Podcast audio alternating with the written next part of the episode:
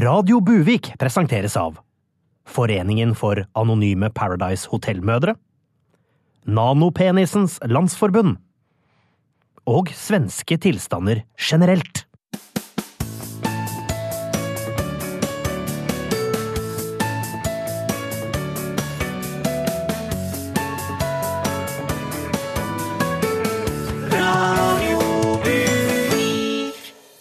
Hjertelig velkommen til Radio Buvik, Norges beste lokalradio. Denne uka har vært litt trist for min del, for to av mine yndlingsland, Tyrkia og Nederland, har gått i tottene på hverandre. Jeg vet ikke hvem jeg skal heie på, for jeg har så mange gode minner fra Alanya med strandferier og fest og moro med jentene, men vel så mange fra kanalturer og interessante besøk på Anne Frank-museet. Så nå håper jeg bare den blir venner igjen, og det så fort som overhodet mulig. Men det har jo vært flere ting som har prega uka, så vi bare setter i gang, vi. Når vi nå skal gi deg et eh, hei, hei og et dypdykk fra vårs. En 360 graders oversikt fra sjølve buljongen Tatten Norge. Du hører på Radio Buvik. For å starte sendinga så må vi sjølsagt ha noen ord fra vår faste gjest, nemlig deg, Børge Brende. Tusen takk for det, kjære programleder. Eh, vet du hva, du ligner litt på den franske politikeren Marine Le Pen, du. Uff, da er ikke hun litt sånn høyrevridd? Ja, nå må ikke du være sånn politisk korrekt, da. Hun er faktisk mye mer enn bare en eh, politiker. Ålreit. En meget, meget vakker kvinne. Akkurat slik en kvinne skal være, etter min smak, da. Børge, nå var du nesten litt nedlatende mot oss kvinner. Herregud, jeg trodde 8. mars var ferdig. Men eh, tydeligvis så varer også det helt til påske. Nei, Børge, dette blir litt Elin Tvedt er blitt singel. Hva sa du nå? Jeg sa at jeg trodde 8. mars var ferdig. Nei, du sa plutselig at Elin Tvedt har blitt singel. Å, eh, ja, så sa jeg det høyt, ja. Ja, det gjorde du. Ja, det, det beklager jeg. Det har vært veldig mye å gjøre den siste tiden, så jeg har litt problemer med å skille tanker fra det jeg faktisk sier høyt. Mm. Jeg skjønner. Så grunnen til at jeg er her i Dagsnytt 18 i dag, i hvert fall, er for å snakke om den meget spente situasjonen mellom Tyrkia og Nederland. Men Børge, dette er ikke Dagsnytt 18. Like tyrkiske kvinner best. Det er faktisk noe iransk over det. Børge, nå tror jeg du igjen blander tanker og det du faktisk sier. Aylar Lie er fra Iran, og det er en meget alvorlig situasjon at USA nekter hun innre innreise nå. Det skal liksom den meget, meget, meget vakre Aylar Lie få lide på grunn av at USA skal statuere et eksempel mot Iran. Men altså, ærlig talt, nå har du begynt å snakke om Aylar igjen. at dette skjer hver gang du er innom. finner eh, Triana Iglesias er fortsatt i Mexico? Ålreit, takk for at du kom, utenriksminister Børge Brende.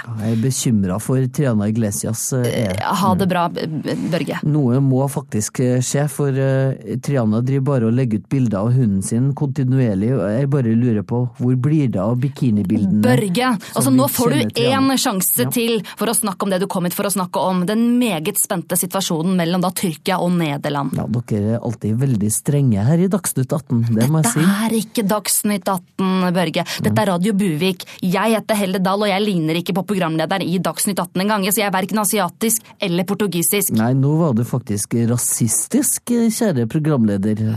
Mm, ja, Jeg var kanskje det. ja, Nei, det beklager jeg. Det går bra. Altså, selv om de programlederne har et annet opphav, så er, det, er de sjølsagt norske, de òg. Ja, ikke sant. Og det er selvfølgelig helt korrekt det du sier der, programleder, og det minner meg om rasismen som er retta mot en dame ved navn Aylar Lie. Og en meget, Børge Brende, nå går du ut av studio. Den er greit, da Ja. sier jeg takk for maten, og så ses vi en annen gang, da. Dagsnytt 18. Bestiller en taxi eller en rickshaw til meg, du?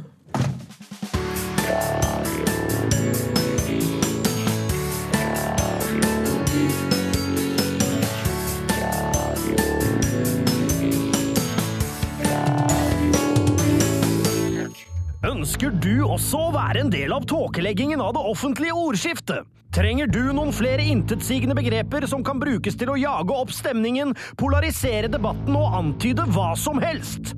Da bør du ta en tur innom Norsk offentlig debatt i dag, for her hersker det nemlig svenske tilstander! Så langt lageret rekker gir vi ut gratis gavepakninger av ulne formuleringer som låter illevarslende, men som ingen egentlig vet hva betyr eller klarer å dokumentere.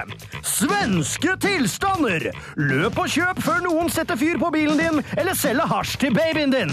Få hun ut av sanden og omfavn de svenske tilstandene i dag! For du vil vel ikke være en del av problemet, vel? Dagbladet kunne denne uka igjen avsløre at miljøbyråd Lan Marie Nien Berg har tatt drosje. Og ikke nok med det, de kunne også avsløre at denne gangen så var det en dieseldrosje Lan tok til NRK for å advare om dieselforurensning. Og vi har besøk av deg i dag, Dagbladet-journalist Vebjørn Fintli. Og du jobber nå kun med Lan Nien Berg, stemmer det?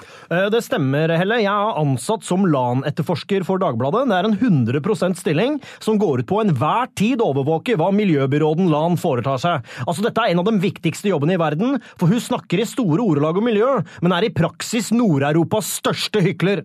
Du, du, du, sier hykler, hvorfor det? Ja, men Det er ikke så vanskelig å forstå det. Altså Når du skal snakke om farene ved, diesel, altså ved dieselforurensning på Dagsrevyen, og så tar du dieseldrosje til studio! Dieseldrosje! Hæ?! Fy faen, er det mulig?! Fy faen, for hykler! Ja, nå er vel det Lan snakker om i denne saken mer enn en dieseldrosje? Det er vel det større bildet her? Ja, men Det er vel glitrende likegyldig hva saken handler om! Greia her er at miljøbyråden snakker om at miljøet er viktig og at diesel er farlig, men så tar hun dieseldrosje sjæl! Hæ?! Hun mister jo all kredibilitet med en gang! Ja, jeg, jeg, kan jo se at dette kanskje kan være problematisk, men, men dere kunne jo også melde om at Lans reiseregninger viser at hun har tatt 28 drosjer det siste året, og at hele 20 av dem var dieselbiler. Dette er jo veldig spesifikk informasjon, så hvordan får du tak i dette? Altså, Jeg jobber jo med dette 100 da, og, og jeg spaner på hva LAN driver med, og har til enhver tid øya på hva LAN foretar seg. Og akkurat disse regningene her fikk jeg tak i gjennom en muldvarp jeg har plassert i LANs nærmeste nettverk. Altså, altså, ja, altså Han har også utplassert, altså muldvarpen har utplassert skjulte kameraer hjemme hos LAN, sånn at jeg kan se på denne iPaden, hvis du ser her nå, skal jeg få bilde her, ser du på iPaden? Verden. Se her, her kan jeg følge med på hva LAN driver med til enhver tid. Og, og, og nå kan vi se at hun står her og lager middag, og hun driver og pakker Å, fy faen. Fy faen! Fy faen, så du det?! Nei, nei, hva, hva, hva? Fy faen, du kan se her! Du kan se her! Resirkuleringsforkjemperen Lan Nyen Hyklerberg kaster en Post-It-lapp i blandingsavfallet! Hva så? Hæ? Altså, Det skal da for faen resirkuleres som papir i papirsøpla! Så for en jævla hykler! Jeg har deg nå, Lan, din sneaky jævla miljøversting! Bare vent til dette kommer på trykk i morgen, Lan! Da vil alt du sier om miljø, og alle dine såkalt gode poenger rundt miljøproblematikk, bli totalt uvesentlige og ugyldige! Jeg har deg nå, din jævla yppige, eplekjekke hyklefar! Vet du Jeg merker at jeg mister respekten for Alan sjøl, jeg nå. Har liksom tenkt at det har vært flott å ha ei ung, ambisiøs og klarttalende dame i bresjen for miljøet, men, men, takket være dere i Dagbladet så merker jeg nå at jeg klarer å se gjennom miljøbudskapet og inn i den svarte hyklersjela til Alan. Ja, men det er nettopp derfor jeg gjør dette.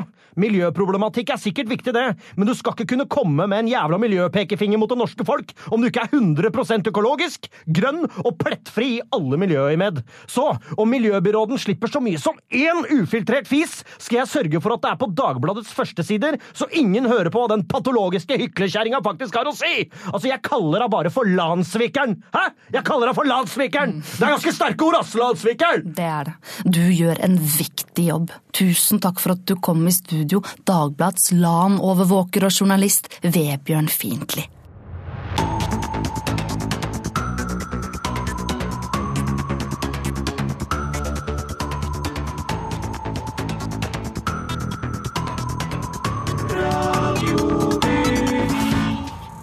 Hei og velkommen til Buviknytt. Her er ukas toppsaker. Per Sandberg mener vi ikke skal tilgi bioingeniør Mahad Mahmoud. Slottets presseavdeling kritiseres for ufine metoder. Sergej Karjakin blir rådgiver for Putin. Tidenes mest omfattende produktfeil er oppdaget i Norge. Og situasjonen tilspisser seg i Mosul. Men først skal vi høre at det norske folk våknet til forvirring og kaos tidligere denne uken, da samtlige av landets riksdekkende aviser publiserte artikler om tidligere værmelder Elin Tvedts sivilstatus. I en felles pressemelding har avisene senere beklaget artiklene, og unnskylder seg med at det natt til mandag åpnet seg en rift i tid og rom, som gjorde at avisenes kjendisredaksjoner plutselig befant seg i 2003. Per Sandberg er fornøyd med dommen etter at bioingeniør Mahad Mahmoud tapte mot norske myndigheter. Vi skal aldri premiere juksere. Det skal ikke lønne seg å bryte norsk lov, selv om det er lenge siden, og selv om han oppførte seg eksemplarisk og er en dyktig bioingeniør, sier Sandberg i en kommentar. Vi kan ikke gjøre forskjell på kong Salomo og Jørgen Hattemaker. Nå, hvis du unnskylder meg, så må jeg gå. Vi skal feire 16-årsjubileet for at olje- og energiminister Terje Søviknes fikk henlagt voldtektssaken sin. Statssekretær Bård Hoksrud har bakt kake. Og i en komplett urelatert sak meldte Dagbladet forleden at norgesvennen Chris Medina har fått permanent oppholdstillatelse. Morofaren eh, Smilefjes, skriver Mahad Mahmoud i en tekstmelding til Buviknytt. Onsdag ble det klart at eh, sjakkspiller og Magnus Carlsen-rival Sergej Karjakin skal bli rådgiver for Putin. Det ble faktisk også rapportert, og dette er helt sant, at Julian Assange og Pamela Anderson er et par, og at Ed Sheeran skal være med i Game of Thrones. Nei, dette ble bare for dumt, sier en tekstforfatter som prøver å skrive nyhetsvitser for radio. Etter at den siste tiden har blitt avdekket grove funksjonsfeil og mangler hos den oppvoksende generasjon, først med totalsvikt i dømmekraften hos russegutter fra Bergen, og nå sist med bloggeren Annie Jords kollaps for at venninnene ikke arrangerte overraskelse natten til 20-årsdagen hennes, har kongeriket Norge bestemt seg for å tilbakekalle alle menneskemodeller født mellom 1997 og 1999. Bortsett fra jentene i Skam. Alle pårørende bes returnere barna sine til nærmeste postkontor for pengene tilbake, eller en ny yngre modell uten produksjonsfeil. Til sist i sendingen skal vi høre at situasjonen i Mosul er mer alvorlig enn noensinne. En høyrebølge flommer over Europa. Sultkatastrofen på Afrikas Horn er den største humanitære krisen siden andre verdenskrig. Og ikke minst Oi, se der! En treåring som kommer inn i bakgrunnen og avbryter farens intervju med BBC. Og der kom det enda en unge, gitt. Og herregud, så sett og se så stressa mannen ble. Og der kom mora for å hente dem, og hun bare lister seg inn og tror at ingen ser. Og nei, herregud, så festlig!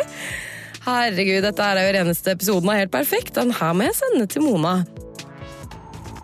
Dette var Buvik-nytt. Jeg heter Ida Breed.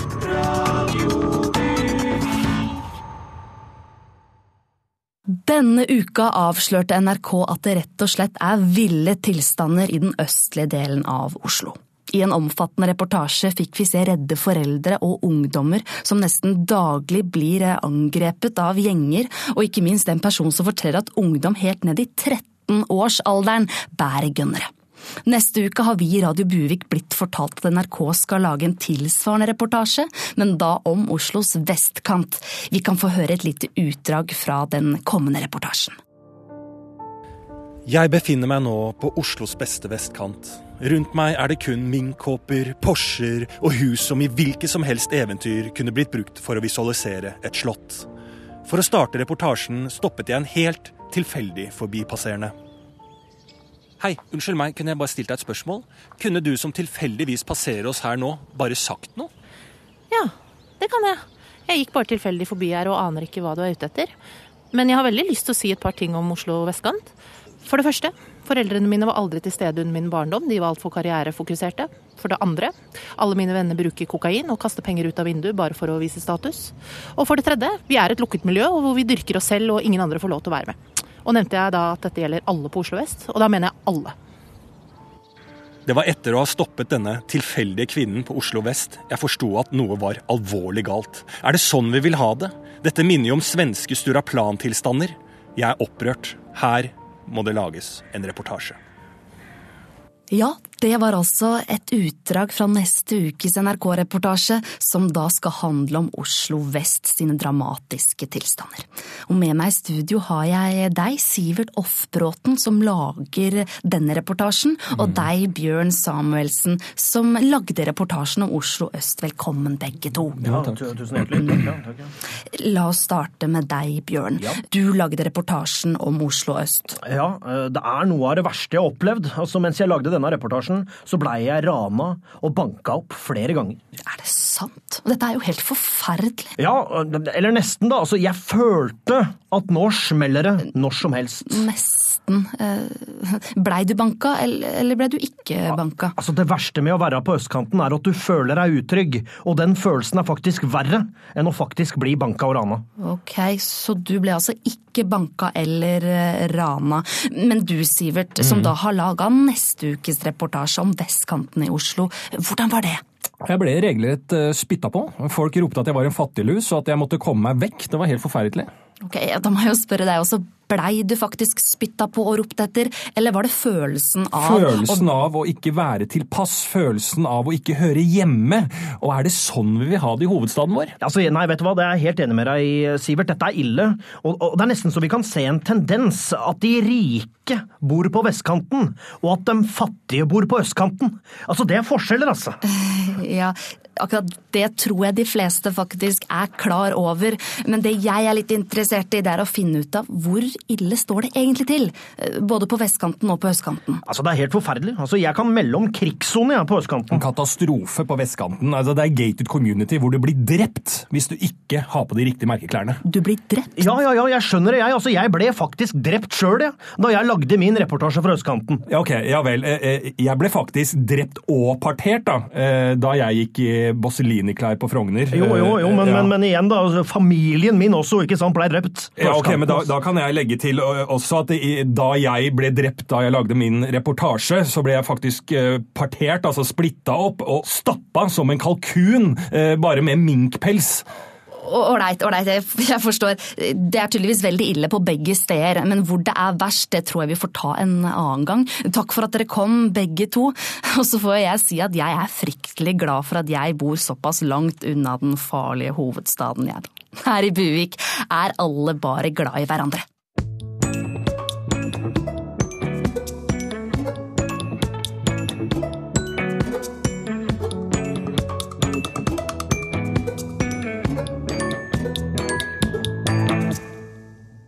En ny rapport om Norges idrettsforbund viser at én av tre ansatte jobber med IT, og at IT-avdelingen i forbundet går med dundrende underskudd. Hva er det som skjer i Idrettsforbundet? Vår reporter dro på besøk. Ja, Her sitter han nå, den voldsomt kontroversielle IT-gjengen. Ser ikke akkurat så farlig ut her de sitter nå, gjør det vel? Så, og litt lenger borte her så sitter IKT-avdelingen. Og så har vi her, hvis du ser bak der, der sitter dataavdelingen. Her, eh, rundt hjørnet her, så sitter jo alle computergutter. Det er en nerdete gjeng, om jeg får si det I. Norsk idrettsforbunds lokaler på Ullevål stadion er arbeidsdagen godt i gang. I det åpne kontorlandskapet sitter folk lent over PC-ene sine. Sjef for overordnet IT- og dataorganisering, Gunnar Veken, viser oss rundt. Her hos oss bruker vi jo data til alt mulig. Altså e-post, nettaviser, sosiale medier. Ja, Noen driver til og med med såkalte videosamtaler med folk på andre siden av kloden. Ja, jeg vet. Det er helt sprøtt. Og da er det jo ikke rart at vi har mange som jobber med IT her hos oss, er det vel? Nei, jeg tenkte ikke det. Det er noe med å få det i kontekst. Med ansvar for norske idrettslag og forbund over hele landet går det mye tid til å utvikle gode teknologiske løsninger for organisasjonen. Ja, ja, her sitter gutta og jobber på spreng med et såkalt Excel-skjema. Altså, se på alle disse fargene her. Ikke spør meg hvordan de får det til. Det er helt gresk for meg. Sjekk, men sjekk nå. Hvis jeg skriver inn et tall her, og et her Se der! De ble summert sammen på null komma niks. Altså, du klarte ikke se engang. Boom! Der var det summert. Så her får vi valuta for pengene. Og jeg må si det at IT Selv om Idrettsforbundet har mange IT-ansatte, er Veken også opptatt av å vise at de også har andre ansatte. Ja, Her sitter jo en helt annen gjeng. Eh, De er også ganske mange. Ca. en tredjedel av våre andre ansatte sitter her. Og dette her er reiseregningsavdelingen. Vi har satt inn ekstra krefter her i det siste, for det blir jo en del reiser. Hotellopphold, middager, lunsjer, kveldser, helikopterturer, limoturer. Ja, du vet sånne ting som idrettstopper trenger for å gjøre jobben sin. I toppetasjen sitter resten av de ansatte i Idrettsforbundet. Her jobber noen av de mektigste menneskene i norsk idrett. Nå må vi være litt stille her, for vi vil nødig forstyrre ledergruppen, eh, som er den siste tredjedelen av våre ansatte. Skal vi se hvis vi åpner her. Det ser ut som alle er ute og reiser som eh, vanlig, bortsett fra pianisten og kokkene der. Men det er jo noe med å, å, å ha ting klart, å ha en viss stil, hvis lederne plutselig kommer innom en tur. Og som vi bruker å si, vi leker jo ikke norsk idrett, for å si det sånn. Vil du ha litt eh, russisk kaviar?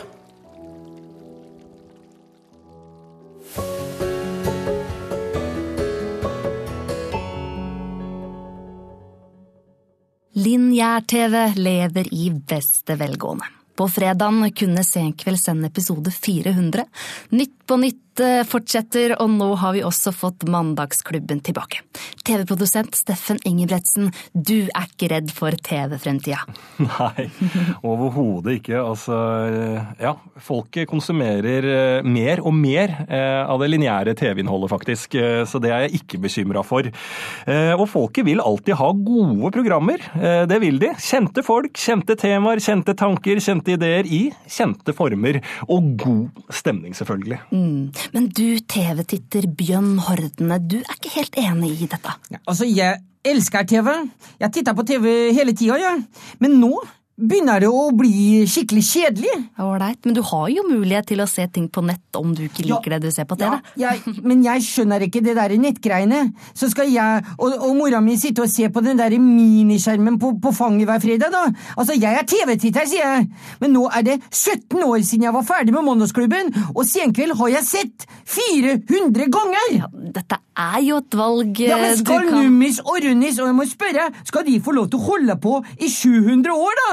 Til og med Tande P og Dan Børge Akerø hadde bedre timing når de skulle gi seg! På 90-tallet! Altså, altfor sent! Kveld, skulle det hett! Ja, ja, ok, men jeg, også, jeg må jo også legge inn et lite ord der at eh, Senkveld, når du snakker om det, de har jo alltid tilpassa seg, og de kan jo alltid eh, vise til en ny liste med nye og unge gjester, for eksempel. Ja, men det hjelper ikke å ha unge gjester når de som leder showet har attituden til den syvende får i huset! Og det må da være mulig å få inn noen programledere som ikke engang var påtenkt da Berlinmuren falt, og som ikke husker når Ingrid spiller Hovig hadde sin storhetstid! Ålreit, Bjørn, Altså- jeg lurer på om du skal roe deg litt ned. Jeg roper for faen ikke det!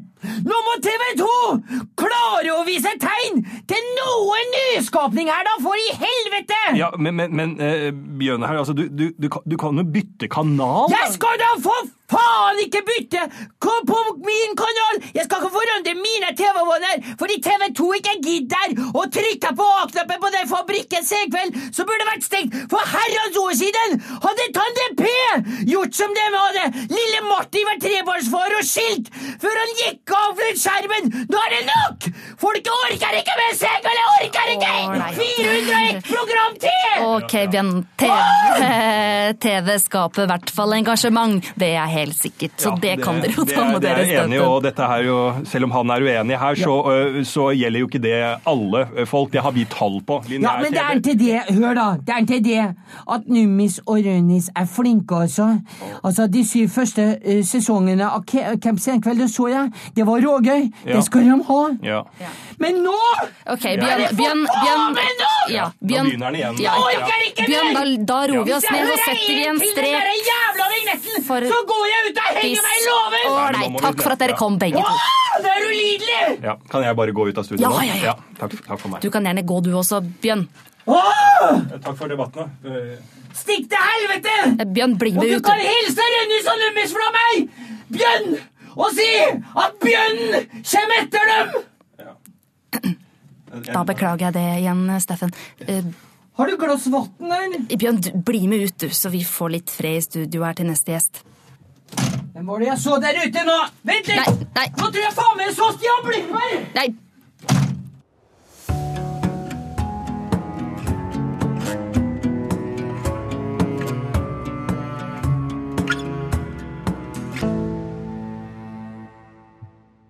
Flere og flere høyreekstreme og nasjonalistiske partier får høyere og høyere oppslutning i europeiske land. Og med meg i studio har jeg leder for det nye partiet Nasjonal Sammenkomst, Ola Nord. Og Ola, hva er det dere står for? Vi står for et trygt Norge. Et Norge med norsk kultur, et Norge hvor det er trygt fra sharia og muslimer og fremmede ting. Et Norge som feirer nordmenn. Det høres jo hyggelig ut, det. Men, men, men Ola, hva med innvandrerne våre, og, og da våre nye landsmenn? Ja, men Helle, dem hører ikke til her. Også, jeg sier ikke at alle muslimer er terrorister, men, men noen er det. Og da er det viktig å skremme folk skikkelig, sånn at vi forstår alvoret og stemmer på en fremtid for oss nordmenn. Dette gir meg jo en litt sånn rasistisk og farsistisk følelse, Ola. Jeg må innrømme det. Nei, men det er så langt du kan komme fra sannheten, Helle. Se på Trump, se på Gert Wilders, og, og, og, se, og se på Le Pen. Dette er ikke fascister og rasister, de er rasebevisste nasjonalister, og det er viktig at vår stemme blir hørt. Har dere noe særlig oppslutning her i Norge, da? Ja, jo, vi scorer svært høyt hos folk imellom 65 og 90 år, men vi ønsker nå å nå de unge, og det er derfor jeg er her i dag, for vi har laga en heidundrende låt som vi håper at skal nå dem unge. Mm, og den skal vi få lov til å høre nå. Og du kan garantere at det ikke er et rasistisk eller fascistisk budskap, ikke sant? Ja, du, det kan jeg garantere. Vi er som sagt bare opptatt av å bevare våre verdier, vår etnisitet, vår levemåte og komfort. Mm, Takk for at du kom, Ola Nord. Da hører vi artisten ariske Anders med låta Europeisk vår. Jeg kan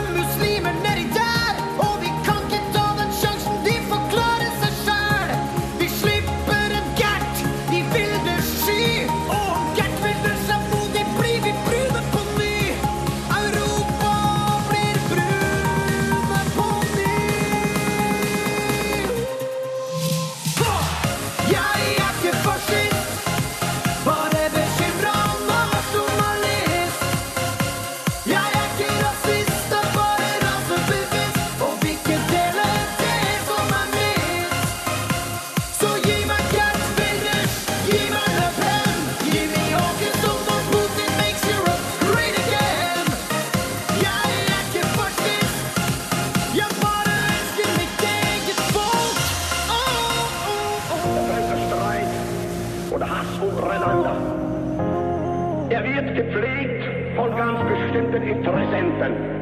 Es ist eine kleine, wurzellose internationale Clique, die die Völker gegeneinander hetzt, die nicht will, dass sie zur Ruhe kommen. Es sind das die Menschen, die überall und nirgends zu Hause sind, die nirgends einen Boden haben, auf den sie gewachsen sind, sondern die heute in Berlin leben, morgen genauso gut in Brüssel sein können, übermorgen in Paris dann wieder in Prag oder in Wien in London und die sich überall zu Hause fühlen.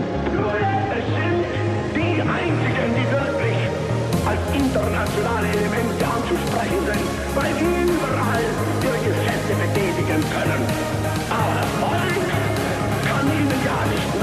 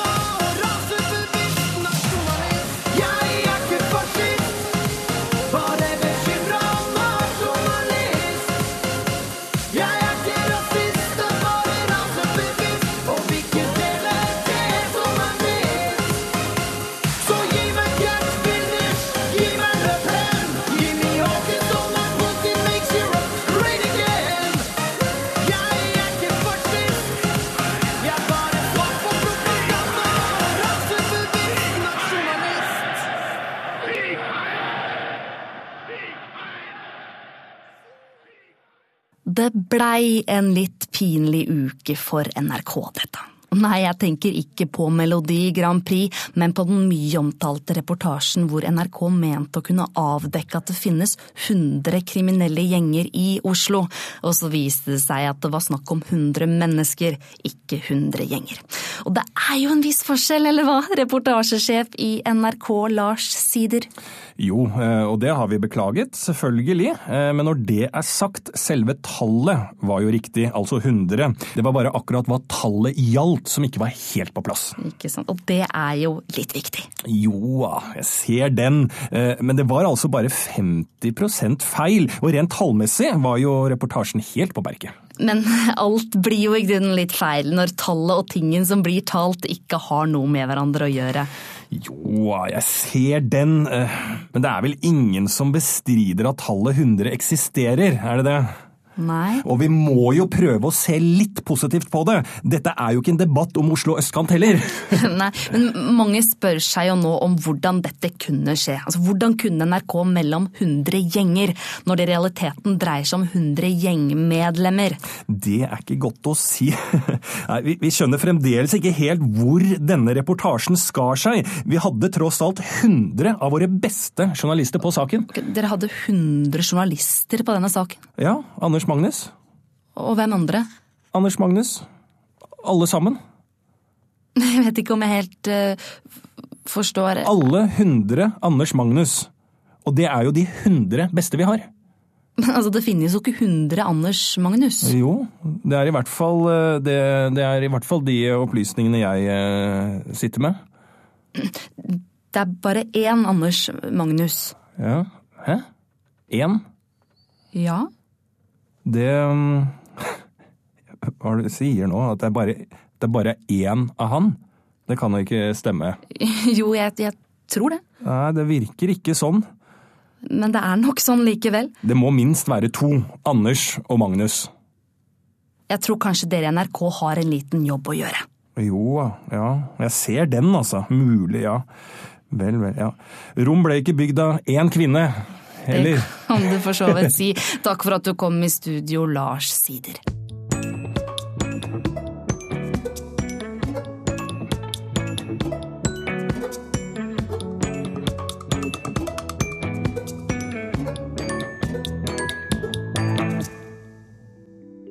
Hei, er du en politietterforsker som sliter med å få svarene du ønsker deg? Jeg skjønner deg godt. Mistenkte kan være skikkelig irriterende noen ganger. Jeg er uskyldig. Har du prøvd tvang? Med den revolusjonerende metoden tvang kan du endelig få svarene du ønsker deg. Utstyrboksen Tvungen tilståelse kommer med en rekke funksjonelle verktøy for den moderne politimann. Ledende spørsmål, fravær av advokat, utsyking av mistenkt. Ja, alt det og mye, mye mer med tvungen tilståelse. Få tilståelsen din kjappere enn du kan si 'skyldig'. Spar tid, løs saken. Tvungen tilståelse. Sant nok. Disneys nyeste storsatsing Skjønnheten og udyret har fått mye oppmerksomhet for å ha med en homofil karakter. Nå har filmen blitt stoppa i Malaysia pga. det myndighetene kaller et homofilt øyeblikk i filmen, og i Russland har filmen fått 16 års grense av samme grunn. Disse reaksjonene er nok sjokkerende for de fleste av oss i det fremadstormende Norge, men ikke for deg, etikkforsker eh, Levi Rustad. Nei, vet du hva, jeg forstår mine russiske og malaysiske venner godt. Det må de forstå, frøken, at dette handler om å påtvinge uskyldige barn unaturlig seksualitet forkledd som familieunderholdning. Men ærlig talt, vi lever i 2017. Å jo takk, jeg har kalender, men denne filmen her var bare dråpen med seksuell væske som fikk begeret til å renne over. Disney har jo i alle år frontet avvikende seksualitet i sine filmer. Ja vel, det må de nesten utdype. Ja, ja, ta, det kan jeg, det kan jeg utdype. Ta Pocahontas, for eksempel. En rødhudet dame som forelsker seg i en hvit mann. Hva tror du de gjør i de scenene vi ikke ser? Jo, frøken, det er intet annet enn animert interracial porn, forkledd som lystig underholdning. Eller hva med Mikke? Mikke. Mikke Mus. Jeg trenger kanskje ikke å forklare hva mus er et annet ord for til deg. Eller kanskje jeg må det. Vagina. Mikke Vagina. Og hvem er Mikke kjæreste med? Jo, Mini-Vagina. To vaginaer utkledd som gnagere som har et romantisk forhold. Ålreit, du tenker ikke at du kanskje leser litt mye inn i disse tegnefilmene, Levi? Nei, absolutt ikke! Dette handler ikke om meg, Levi! Det handler om barna våre! Hva tror du en ung gutt tenker? En ung gutt som ser Nala i Løvenes konge svinse rundt med den der lange øyevippene sine og den der snertne lille løvestjerten. Altså, det er jo så vulgært! Og navnet i seg sjøl er jo også vulgært! Nala! Du trenger ikke å være særlig oppvakt for å se hva det betyr! La meg bare gi deg et lite hint! Ta den A-en i Nala, sett den foran, og hva blir det? Anal! Ja. Det blir anal! Det blir anal. Altså, jeg beklager om jeg er bitte litt grann direkte, men vi må tenke litt mer på hva vi utsetter barna våre for! Altså, det, altså, Mødre kan ikke tro at de kan sette på den lille havfruen for sin elleve år gamle, ganske sensitive sønn, som for eksempel heter Levi, mens de går på soverommet med sin nye kjæreste Geir Åge, uten de, uten, at få, uten at det får konsekvenser, ikke sant? Nei, hvilke konsekvenser er det dette skulle vært, da? Hvilke konsekvenser? Altså, La meg bare si at uh, du kan ende opp med et lite grann usunt forhold til kvinner, da. Og fisk. Altså, altså Du kan jo tenke deg det når, når jeg fikk napp da. Når jeg fikk napp som elleveåring, og fisken kom opp over ripa, så ble jeg glad på mer enn én måte. Det er pinlig, selvfølgelig. Ok, For å være helt ærlig med deg, Levi, så virker det som at problemet her ligger hos deg og din skitne fantasi. Nei, ja, Der blir jeg nesten nødt til å arrestere deg. Det er i så fall ikke bare min skitne fantasi, men myndighetene i Malaysia og Russland sin skitne fantasi også. Ålreit, jeg tenker vi setter en strek der, jeg. En strek? Vi setter bare en strek? Hva behager Du skal bare sette en strek en, Tenker du på en vertikal strek, du, eller? Hva, hva, hva får du hvis du tar en vertikalstrek? Hvis du ser- hva ser ut som hvis du tar en vertikal Takk for at du kom i studio, Levi. Rustad. Du har jo en sånn, ikke sant? Det er Innmari hyggelig å få komme hjem. Bare, kan jeg bare få sitte og puste litt ut? Ja. Oi, faen. Oi, faen. Oi, faen.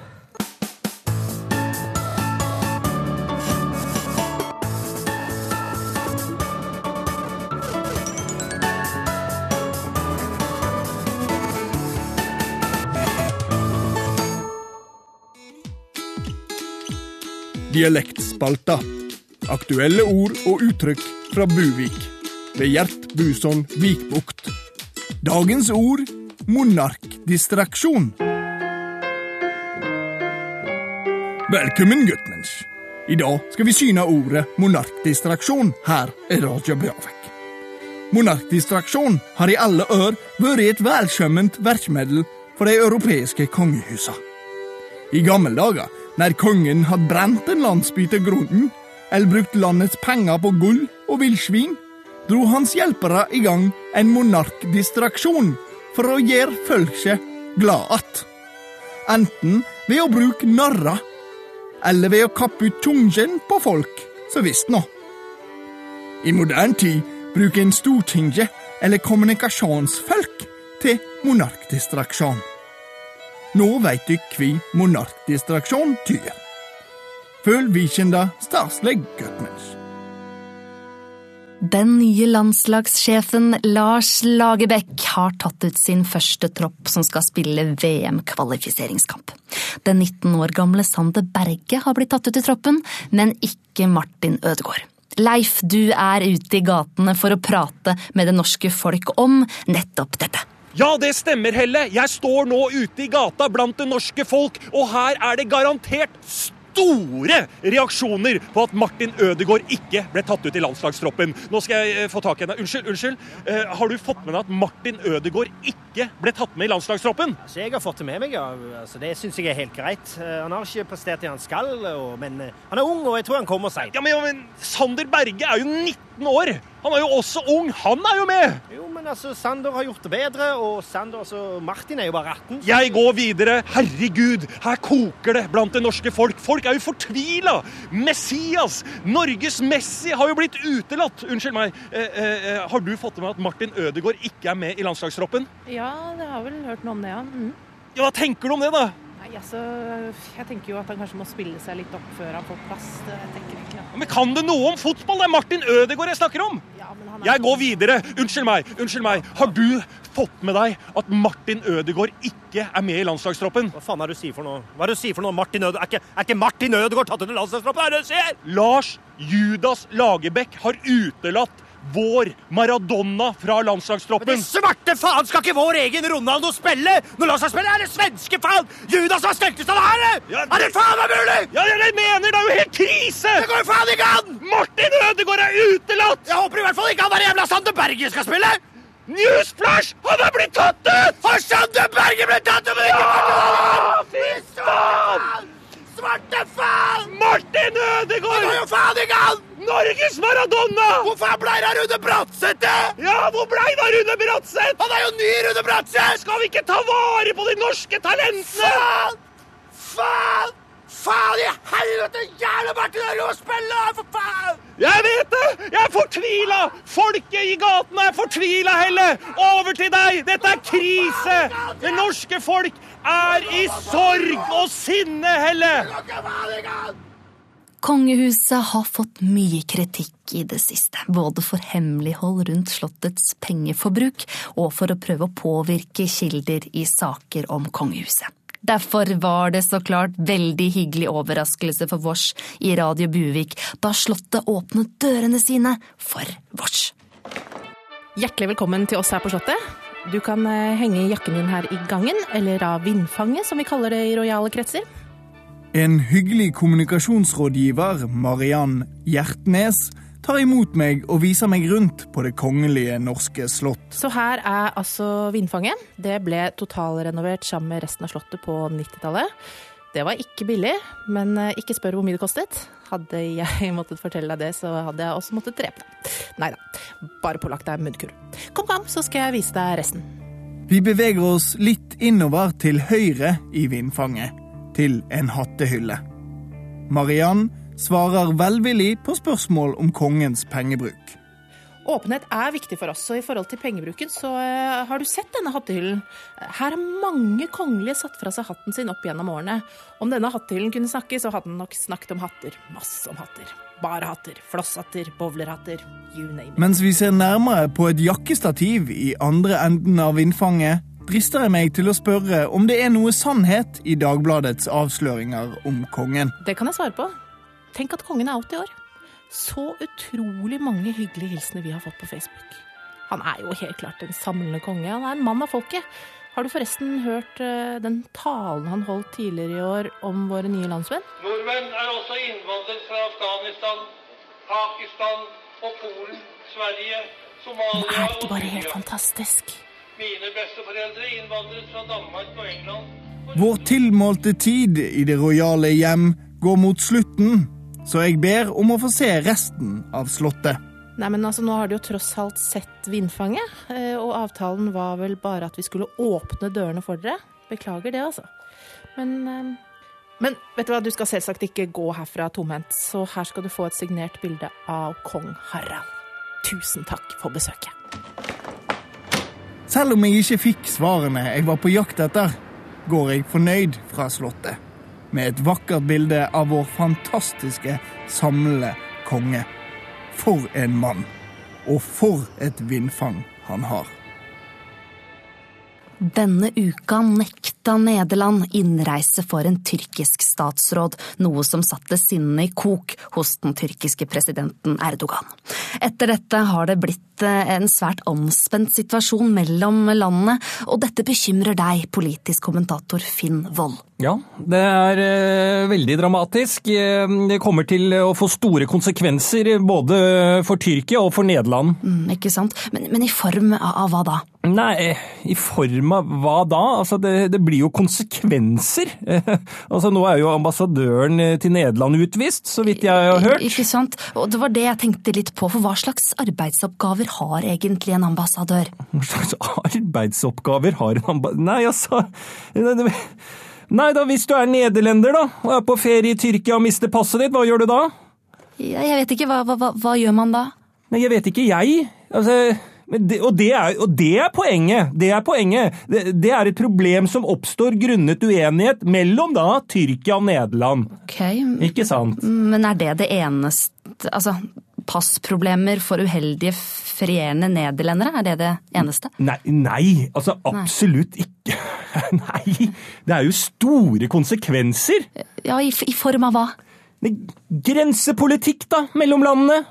Men Tyrkia grenser jo ikke til Nederland. Nei, nei! Det gjør det, gjør det ikke. Det, det gjør det ikke. Det er jo, men det, de, gren, de har grenser. De, de har jo grenser, og, og de grensene er ikke akkurat venner lenger nå.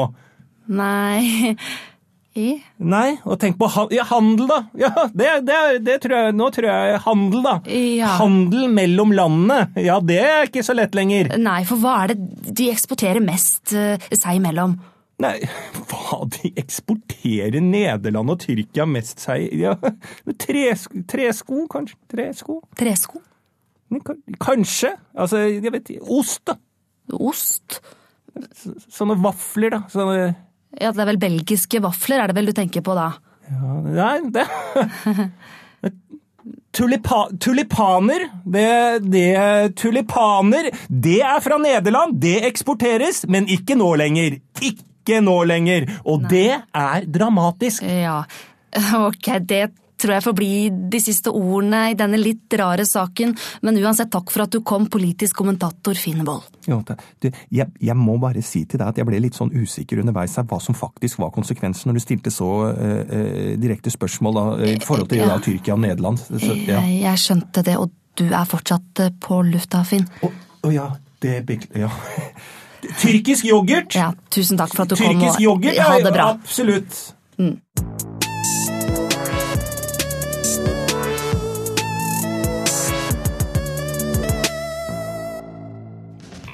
De helsprø dagene her i norsk offentlig debatt fortsetter. Nå har vi tilbud på vårt topprodukt som kan brukes til å fjerne alt av vriene motargumenter og ubeleilige fakta. Ut dagen har vi spesialtilbud på fake news. Du får 13 for prisen av ett dusin. Spray en liten anklage om fake news på det du vil så tvil om, og så kan det avfeies for evig tid. Ja, det er virkelig så enkelt. Bare finn én eneste faktafeil, tabloid vinkling eller feilstaving av navn, så er det nok til at du kan rope ut fake news! Og da er det gjort. For er tvilen om fake news først sådd, så er den umulig å få fjernet. Og det beste med tvilen er at den sprer seg til andre mainstream-medier også. For hvis ingen helt vet hva som er fake news, så betyr det jo at alt kan være fake news. I TV-serien Bloggerne denne uka fikk vi se sammenbruddet til 20 år gamle Anniken Ikke si hennes! Bedre kjent som Ikke. blogg... Den jenta der har vært igjennom mer enn nok. Ja, ok. Jeg kan kanskje prøve å fullføre uten å si navnet. Eh, altså, en 20 år gammel deltaker i TV-programmet som brøt sammen i gråt fordi venninnene ikke hadde laga overraskelse for henne kvelden hun fylte 20. Og dette gikk jo ikke akkurat upåaktet hen i sosiale medier, og dette var jo et ganske morsomt Morsomt for deg kanskje, men ikke for mennesker med vanlig empati? Men du, Hanne Kvarme, har reagert kraftig på reaksjonene som kom etter klippet, og da kan jeg si velkommen til deg. Takk. Ja. Hva er det du har reagert på her, eh, Kvarme? Jo, det skal jeg si det. Jeg har reagert med vemmelse og avsky, og ikke så rent lite forskrekkelse. På hva da? Jo, det skal jeg si deg. På mobbing. På regelrett mobbing. Fra voksne mennesker, som altså henger ut unge mennesker som åpenbart ikke skjønner selv konsekvensen av det de er med på, og åpenbart har enten psykiske lidelser, er ruset eller har mentalt nivå på grensen til tilbakestående. Eller alle tre. Ok, men hvordan vet du at de um, er de tingene du sa? Det ser man jo på alt det idiotiske de sier og gjør, og det må vi beskytte dem mot. Ja vel, men de er jo voksne mennesker. Nei, ikke gi meg den! Disse menneskene er jo ikke friske. De må ha beskyttelse, men i stedet så morer man seg på deres bekostning. Det er å sparke nedover. Men du si, du sparker ikke nedover nå, du da? Nei, selvfølgelig ikke. Du skjønner, du skjønner jo ikke det her i det hele tatt. Jeg er jo på deres parti. Jeg taler deres sak, som jeg taler saken til alle svake parter her i samfunnet. Vi ser jo det samme med alle de som ser på Paradise Hotel også, som hånler over andres dumskap, og hever seg over alle disse stakkars enfoldige tomsingene som har blitt lurt til å være med på et sånt program. Onde er de! For dem er ikke disse menneskene ekte personer, de er bare sånn klovner som ikke fortjener å bli tatt på alvor i det hele tatt. Ja, men tar du dem på alvor nå, da? Jeg tar dem på alvor, og det gjør jeg ved å vite at ikke de vet sitt eget beste. Men de sier jo sjøl at de, de er klar over hva de er med på. Altså, de er jo myndige. Men hva vet vel de? Disse stakkars menneskene er jo idioter. Strengt tatt så burde jeg ikke kalle dem mennesker engang. Det er jo på et intelligensnivå her på samme nivå som si bikkja mi, da. Og det finnes faktisk lover for hvordan jeg kan behandle bikkja mi. Men ingen lover som beskytter evneveike kromosomforstyrrede undermennesker mot å brette ut livet sitt for slemme, empatiløse menneskers forlystelse. Jeg synes det er på tide at vi som folk ja, går i oss sjæl og finner ut hva slags mennesker vi vil være. Vil vi at alle mennesker skal tas på alvor og behandles som folk? Selv om de kanskje burde være avlivet etter en fostervannsprøve? Eller skal vi mobbe dem på Facebook? Jeg bare spør. Når skal vi behandle bloggere som Anniken Jørgensen med den respekten hun fortjener? Yeah! Nå sa jeg navnet hennes. Ja. ja, Nå kommer litt trollene frem, kan jeg tenke meg. Mm, Ålreit. Takk for at du kom i studio, Hanne Kvarme. Jo, jo.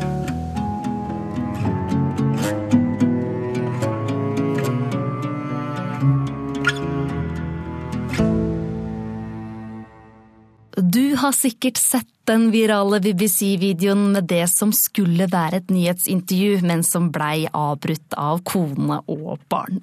I etterkant har det oppstått diverse nettdebatter grunna fordommer mot hans kone, som er av asiatisk opprinnelse.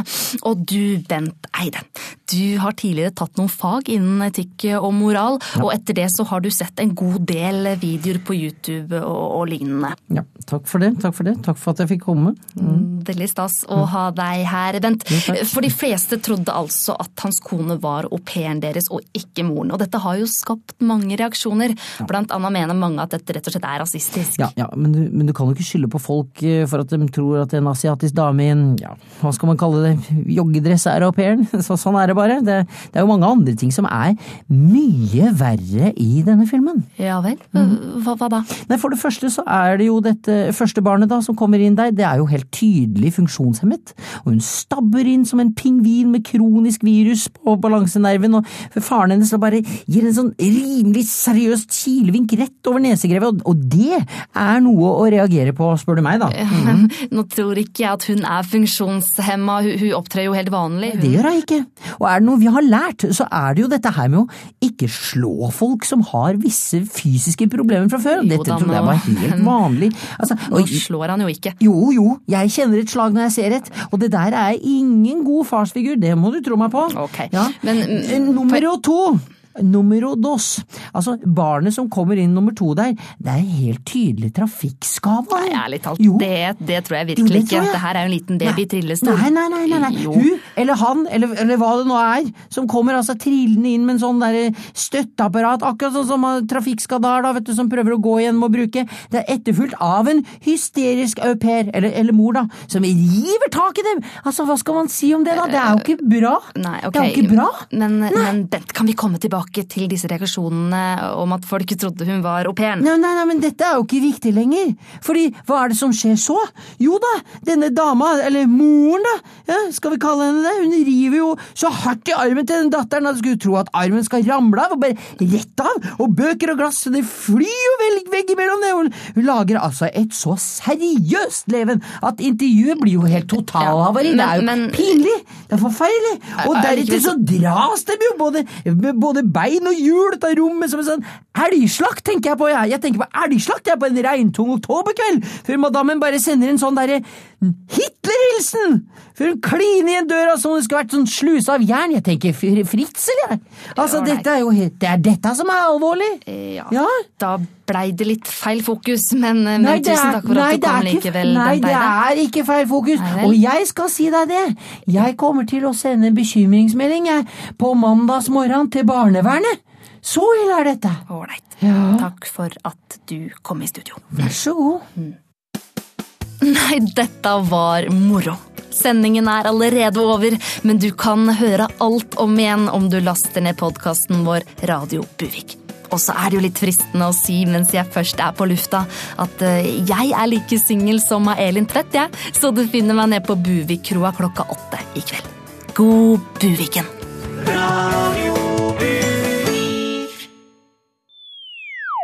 Produsert av Rubicon Radio.